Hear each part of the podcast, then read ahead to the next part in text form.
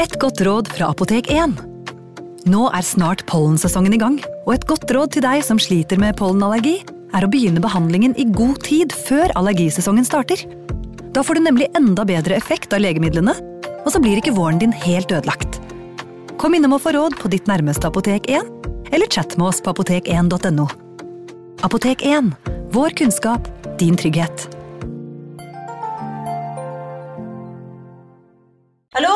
Jeg kommer fra Oslo politikammer. Ine Jansen er purk. Er du purk? The motherfucking bitch. Alt jeg vil, er å finne ut hva som skjedde med mannen min. Jon Carew. Er jeg sikta for noe? Iben Akeli. Det er du. Ole So, Lars Berrum og Big Daddy Karsten. Hvem sin side er du på, egentlig? Anette Hoff, Tone Danielsen, Kommer du fra Afrika? Jørnis Josef, Nesten kløfta. Trond Espen Seim, Det er synd å si det, men det var feil mann som døde. Purk. Premiere tirsdag på TV2 Play. Hei! Takk for at du lytter til True Crime Podden dokumentar. Skulle du ønske at du kunne høre en ny episode av denne podkasten hver eneste uke? Vel, da er det bare å laste ned podkastappen Untold med en gang. I tillegg til ukentlige episoder av podkaster som Skrekkpodden, Synderne og True Crime Podden, får du masse annet reklamefritt og eksklusivt innhold. Last ned Untold i AppStore eller Google Play, og start din 30 dagers prøveperiode i dag. you.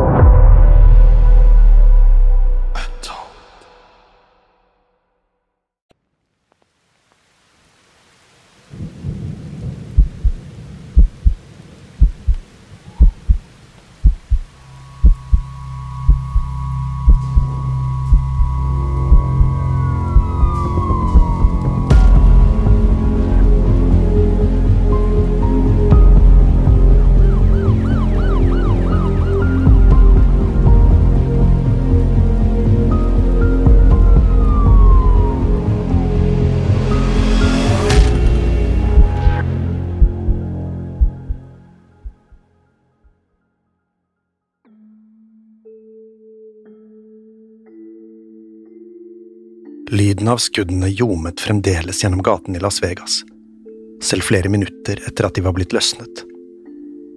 Os steg opp fra den svarte BMW-en, der den sto med flate dekk langs veien.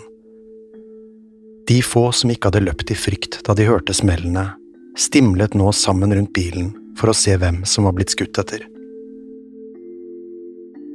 De mørke rutene på BMW-en gjorde det vanskelig å se, men det var tydelig at det ikke var hvem som helst som satt der inne.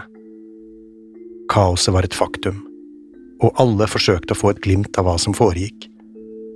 Det gjorde det vanskelig for politibetjenten å komme frem til åstedet. Etter mye knuffing frem og tilbake klarte de endelig å nå frem til bilen. En politibetjent nærmet seg forsiktig. Kulehullene i bildøren vitnet om at noen hadde sørget for at de der inne ble truffet.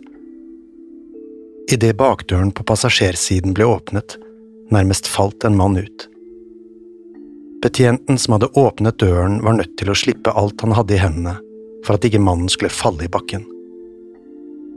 Mannen hadde skuddskader i armen, benet og brystet, men så ut til å fremdeles være i live. Det var da betjenten forsto hvem han holdt i armene sine. Det var ingen andre enn USAs største rapper, Tupac Shakur. I et forsøk på å holde Tupac bevisst spurte betjenten hvem det var som hadde skutt ham, men han fikk ikke noe svar. Betjenten ristet litt i ham, og da var det som det plutselig var liv i ham igjen. Tupac sperret opp øynene og fikk se hvem det var som holdt ham. Da betjenten gjentok spørsmålet sitt, kremte Tupac med alvorlig pustebesvær, før han så betjenten rett inn i øynene og ba ham dra til helvete. Det var det siste Tupac Shakur sa, før han forsvant inn i en koma han aldri skulle våkne fra igjen.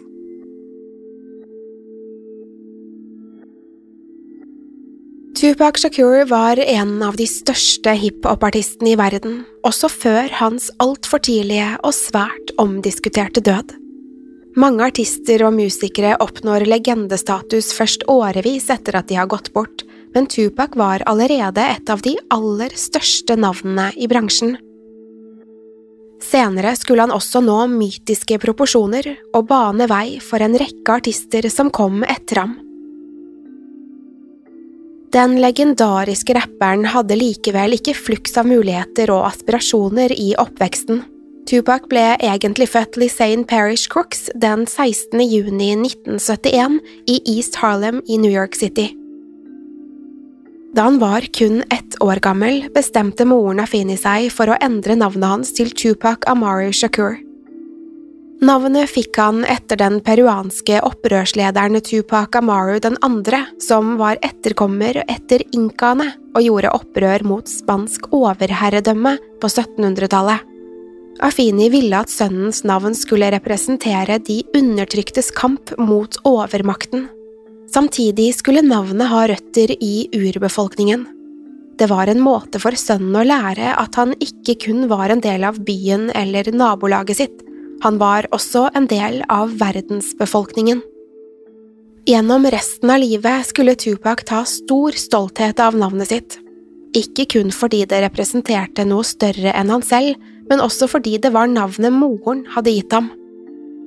Han satte henne høyest av alle, og om noen gjorde narr av henne eller noe hun hadde gitt ham, tok han det svært personlig. Selv hvor mye han elsket og respekterte moren sin, var det ikke til å komme unna at Tupac vokste opp i et noe turbulent hjem. Både Afini og Tupacs biologiske far var tidligere medlemmer av frigjøringsbevegelsen Black Panthers. Gruppen kjempet for afroamerikanernes frihet og likestilling, og tydde ofte til vold eller kriminalitet for å spre sitt budskap. Selv om Black Panthers først og fremst var et politisk parti, deltok medlemmer av partiet i flere væpnede konflikter med myndighetene. Flere i Tupacs nærmeste krets var også medlemmer av Black Panthers, og mange var blitt dømt for ran, vold og drap i løpet av 60- og 70-tallet. Selv om Mafini fremdeles var politisk aktiv i partiet, hadde hun blitt noe mindre radikal da Tupac ble født. Hun ønsket et bedre liv for sønnen, langt unna undertrykkelse og fattigdom. Det var likevel lettere sagt enn gjort. På grunn av Afinis kobling til Black Panthers-bevegelsen hadde hun vanskelig for å finne en jobb. Mange arbeidsgivere var skeptiske til å ansette medlemmer av partiet fordi de hadde lest hvordan de ble portrettert i avisene som ansvarsløse og opprørske villstyringer. Gjennom Tupacs barndom var familien derfor nødt til å flytte gang på gang fordi Efeini ikke hadde råd til husleien. Hver gang en av utleierne møtte opp på døren, visste unge Tupac hva som var i ferd med å skje. Etter hvert sluttet han å spørre og begynte å pakke sakene sine på eget initiativ. I 1984 innså Afeni at familien ikke lenger hadde råd til å bli værende i New York. Dermed tok hun med seg Tupac og flyttet til Baltimore i Maryland. Her var det færre som kjente til bakgrunnen hennes, og større sannsynlighet for at hun kunne få seg arbeid. Det var i Baltimore at Tupac skulle begynne å interessere seg for kunst og kultur. På skolen tok han timer i skuespillerfag, jazz, poesi og til og med ballett. Snart fikk han plass på Baltimore School of Arts, hvor han endelig skulle finne seg selv. I ettertid skulle Tupac påstå at tiden på BSA var den lykkeligste i livet hans. Allerede fra første dag skulle lærere og elever forstå at Tupac var en gutt som fortjente respekt. I den aller første timen satt de nye elevene i en sirkel og skulle fortelle litt om seg selv. Da det var Tupacs tur til å introdusere seg, begynte de andre elevene å flire av navnet hans. Uten å nøle hadde Tupac reist seg og sagt med rolig og bestemt stemme at navnet var en del av arven hans. Han hadde fått av moren sin, og om de lo av det, lo de i virkelighet av henne. Etter den lille talen hadde det blitt helt stille i rommet. Tupac hadde ikke vært sint eller frustrert da han pratet, men hadde lagt det fram på en slik måte at medelevene respekterte ham for det. Fra det øyeblikket forsto de at Tupac kom til å bli stor. Det tok ikke lang tid før han beviste ferdighetene sine med ord, også på scenen. Tupac hadde lenge vært spesielt opptatt av ordenes kraft og hvordan de kunne gi mening til et ellers så kaotisk liv. Likevel var det ikke før han ble kjent med William Shakespeares verker at han fant sin virkelige lidenskap. Shakespeares stykker var skrevet på en lyrisk og ikke minst rytmisk måte som resonnerte med Tupacs favorittmusikk, rap og hiphop. Snart begynte Tupac å skrive poesi om alt det som opptok ham personlig, og som var inspirert av Shakespeares rytmikk og lyrikk. Han var også en eksepsjonelt dyktig skuespiller og danser. I løpet av tiden på skolen fikk han roller i flere Shakespeare-oppsetninger, samt en produksjon av balletten Nøtteknekkeren. Tiden på skolen var som en drøm for unge Tupac. Der kunne han glemme alt om den turbulente tilværelsen og frustrasjonen rundt familiens økonomi. Teatret og poesien gjorde ham hel og hjalp ham med å sette ord på følelsene sine. Tupac var lykkelig for første gang i sitt unge liv, men idyllen skulle ikke vare lenge. En dag i 1988 kom Tupac inn på kontoret til en av skuespillerlærerne sine. Han virket opprevet og trist og så ut som han hadde noe å fortelle. Læreren ba ham sette seg og spurte hva som var i veien. Da hadde Tupac forklart at moren hadde bestemt at de skulle flytte igjen.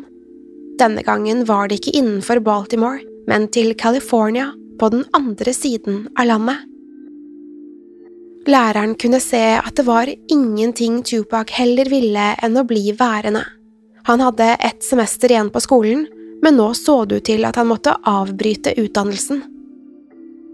Læreren gjorde alt han kunne for at Tupac skulle få bli han foreslo til og med at de kunne finne en vertsfamilie til ham i Baltimore, men Tupac avslo alle forslag.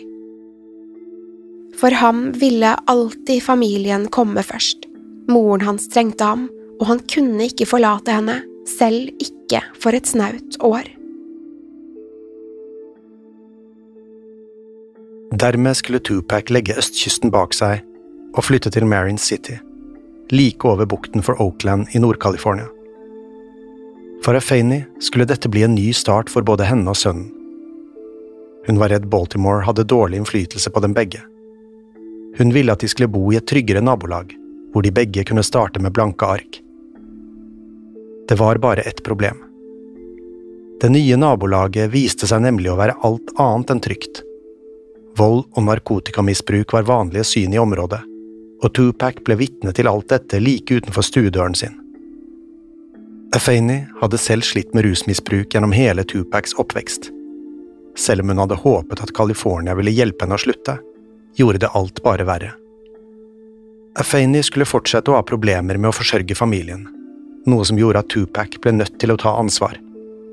For en 17 år gammel afroamerikansk gutt som han, var det ikke mange muligheter til å tjene ærlige penger i California.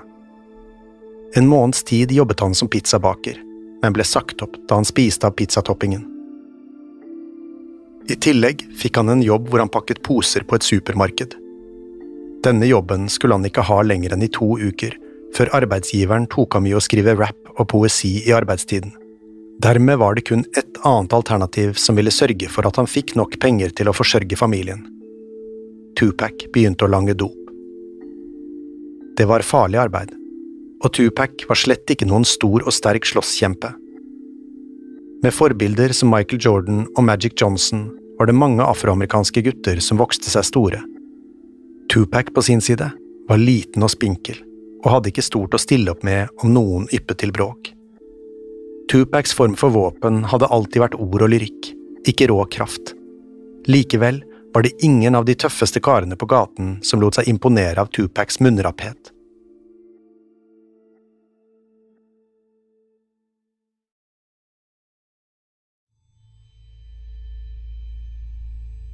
Alt Tupac virkelig ønsket seg, var å kunne studere musikk, poesi og scenekunst på en respektert høyskole.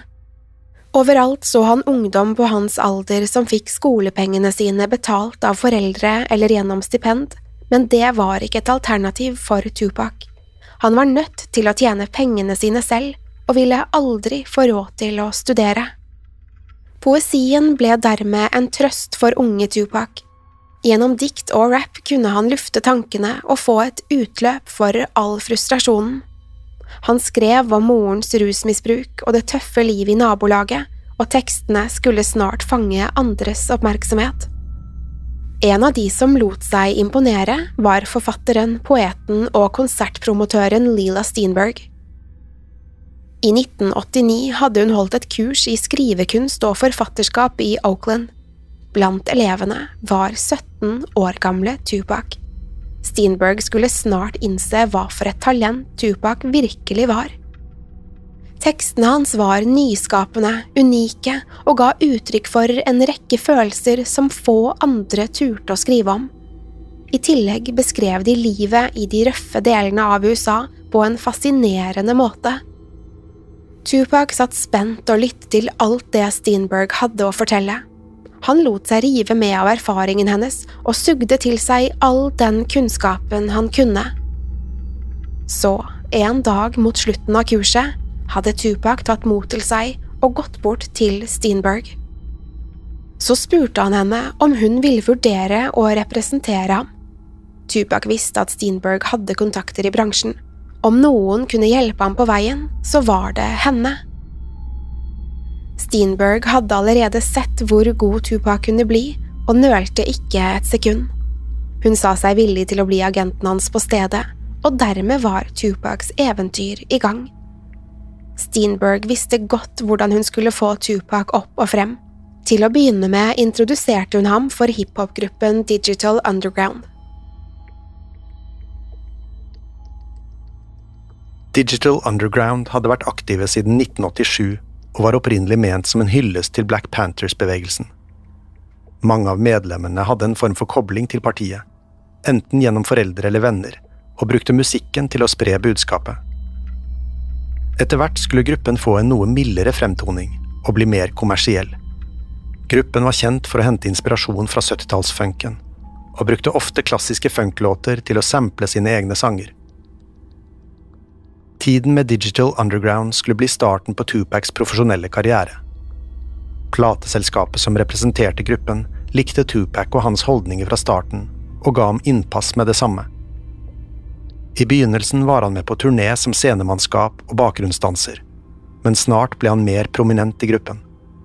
Da de innså hvor dyktig Tupac virkelig var som artist, lot de ham rappe på flere utgivelser. Gjennom Digital Underground skulle Tupac også få oppfylt skuespillerdrømmen sin. De sørget for at han fikk en rolle i filmen Nothing But Trouble fra 1991. Her spilte han sammen med store navn som Chevy Chase og Demi Moore. Det var ingen stor rolle, men det var i det minste en smak av industrien han hadde et så sterkt forhold til. Filmen hadde en scene der Digital Underground spilte en av låtene sine, og Tupac var spesielt synlig i klippet. Derfra var det lite som kunne stanse Tupac fra å nå nye høyder. Etter filmdebuten fikk han oppmerksomheten til flere plateselskap som så potensialet hans. De som klarte å fange ham opp, var Interscope Records. Snart var Tupac i gang med sitt aller første soloalbum. Plateselskapet finansierte innspillingen og produksjonen, og i november 1991 var albumet et faktum. Platen fikk navnet Tupacalypse Now etter filmen Apocalypse Now fra 1979 og var tungt politisk i sitt budskap. Det var en slags hyllest til moren, som alltid hadde sett for seg at Tupac skulle utgjøre en forskjell i kampen for afroamerikaneres rettigheter. Tupac ville hedre moren ved å spre ordet om ulikhet og hverdagstragedier som andre afroamerikanske ungdom kunne kjenne seg igjen i. Samtidig ville han skrive noe som ingen hadde hørt maken til før. Gjennom albumet skulle Tupac snakke for alle som følte de ikke hadde noen stemme, og fortelle hvordan situasjonen i USA virkelig var. Han ville kaste lys over de sosioøkonomiske forskjellene som mange nektet for at eksisterte. Inspirasjonen til tekstene fant han i det han leste i avisene og så på nyhetene. En slik historie handlet om en tolv år gammel jente i New York som hadde blitt gravid med sin egen fetters barn. Da barnet ble født, hadde jenta vært så redd for skammen og konsekvensene at hun forlot barnet i en søppelcontainer. Hun hadde ikke visst hva annet hun kunne gjøre med det, og valgte det hun så som den letteste løsningen. Tupac leste om hendelsen i avisene og lot seg inspirere til å skrive om temaet. Han innså snart at det slett ikke var uvanlig at tenåringsjenter ble gravide i USA. Disse ideene skulle snart bli til låten Brenda Scara Baby, som både kastet lys over tenåringsgraviditet og prostitusjon blant unge jenter. Låten var ulik noe noen hadde hørt tidligere. Den tok for seg temaer som ingen hadde verken tenkt på eller turt å skrive om tidligere. Det førte til at Tupac ble ansett som en visjonær innen lyrikk og poesi, og traff nye lyttere. Spesielt appellerte det til kvinnelige tilhengere som tidligere ikke hadde hatt noe særlig til overs for rap. En annen av låtene fra albumet var Trapped. Det var enda en sterkt politisk motivert låt som handlet om politivold rettet mot afroamerikanske menn. I mars 1991 hadde det afroamerikanske miljøet blitt rystet etter at 25 år gamle Rodney King ble offer for brutal politivold. Saken ledet til enorme protester over hele landet, og viste en gang for alle at rasismen innad i politiet fremdeles sto sterkt. Det var denne følelsen av raseri, urettferdighet og frustrasjon som Tupac ville formidle i låten. Forskjellsbehandlingen av afroamerikanere hadde pågått altfor lenge, og nå ville han vise hvordan det virkelig var for de som ble offer for det. Det skulle heller ikke ta lang tid før Tupac selv fikk kjenne politivold på kroppen. Om kvelden, den 17. oktober 1991, var Tupac ute i gaten i Oakland alene. Idet han skulle krysse veien, kikket han seg fra høyre til venstre, men det kom ingen biler. Selv om gatelyset fremdeles var rødt, valgte han å krysse veien. Det han ikke hadde lagt merke til, var politibilen som sto på gatehjørnet. Betjentene fikk med seg hva som foregikk, og skrudde på blålysene. Da de kom for å bøtelegge ham for rågjengeri, protesterte Tupac og sa han ikke hadde skapt noen farlige situasjoner. Likevel nektet betjentene å høre etter. De ba om å få se identifikasjon, og Tupac ga det villig fra seg. Da betjentene fikk se navnet hans, begynte de å le. De var sikre på at Tupac Shakur var et oppdiktet navn, og krevde å få vite hva det virkelige navnet hans var. Helt siden barndommen hadde Tupac blitt mobbet for navnet sitt. Det var ingen som hadde hørt et slikt navn tidligere, og for mange virket det falskt. Tupac selv var stolt av navnet moren hadde gitt ham, og ingen skulle få lov til å gjøre narr av det. Selv ikke politiet. Tupac gikk straks i forsvarsmodus og insisterte på at navnet hans var ekte. Da betjentene ikke ville gi seg og fortsatte å lo, ble han rasende. Uten å oppføre seg aggressivt forlangte han at betjentene viste ham litt respekt, slik som alle mennesker fortjente. Det var nok til at politibetjentene anså han som en trussel. De advarte ham mot å gjøre noe han ville angre på, men Tupac ville ikke gi seg før han hadde fått den unnskyldningen han mente han fortjente. Da trakk betjentene batongene sine og begynte å slå løs på ham.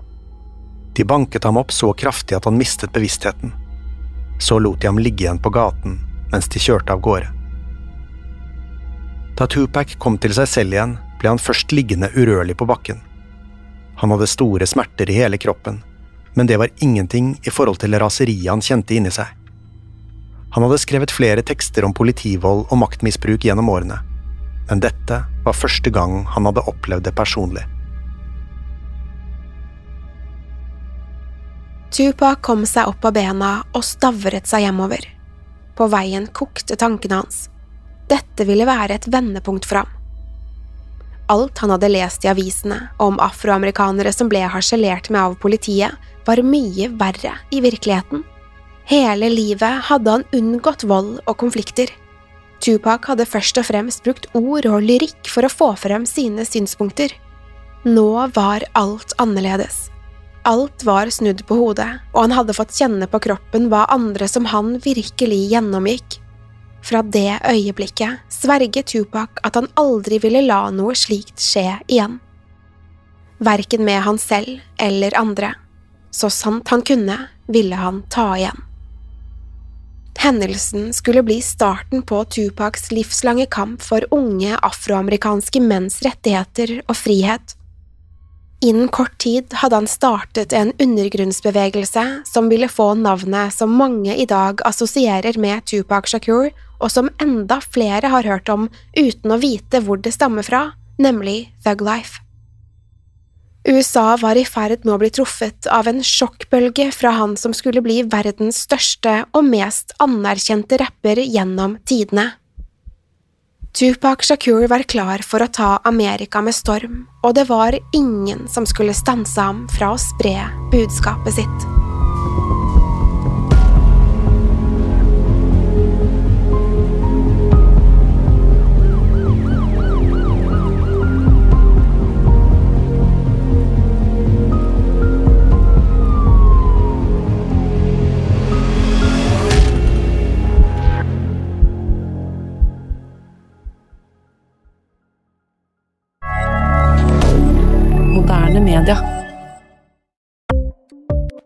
Ukens annonsør er Folio, en smartere banktjeneste for deg som har en egen bedrift eller ønsker å starte for deg selv. Folio er en superenkel nettbank for bedrifter. Som kunde i Folio får du en bedriftskonto med et bedriftskort og app. I denne appen er det smarte løsninger som forenkler regnskapet ditt, uansett om du har en liten bedrift eller et enkeltpersonsforetak. Folio er både intuitivt og brukervennlig, og er laget med et enkelt språk. I tillegg tilbyr de forutsigbare priser og ingen skjulte gebyrer. Skulle du likevel trenge det, så kan du snakke med deres raske og hyggelige kundeservice, og der får du prate med en faktisk person og ikke en chatbot. Folio er med andre ord både enklere og koseligere enn banken. Over 10 000 bedrifter har allerede valgt Folio som sin banktjeneste, så besøk folio.no og se hvordan Folio kan forenkle din hverdag også. Har du et enkeltpersonforetak eller en liten bedrift? Da er du sikkert lei av å høre meg snakke om hvor enkelt det er med kvitteringer og bilag i fiken, så vi eh, gir oss her, vi. Fordi vi liker enkelt. Fiken superenkelt regnskap. Kiwi er billigst i VGs matbørs og har vært billigst i fire av de fem siste VGs matbørser. Og nå presser vi prisene på frukt og grønnsaker. På 200 gram broccolini setter vi prisen til 24,90. På 400 gram Cevita blåbær setter vi prisen til 49,90. Og husk, alle Kiwi Pluss-kunder får i tillegg 15% trumfbonus på all fersk frukt og grønt. For det er vi som er prispresserne. Og vi i Kiwi gir oss aldri på pris.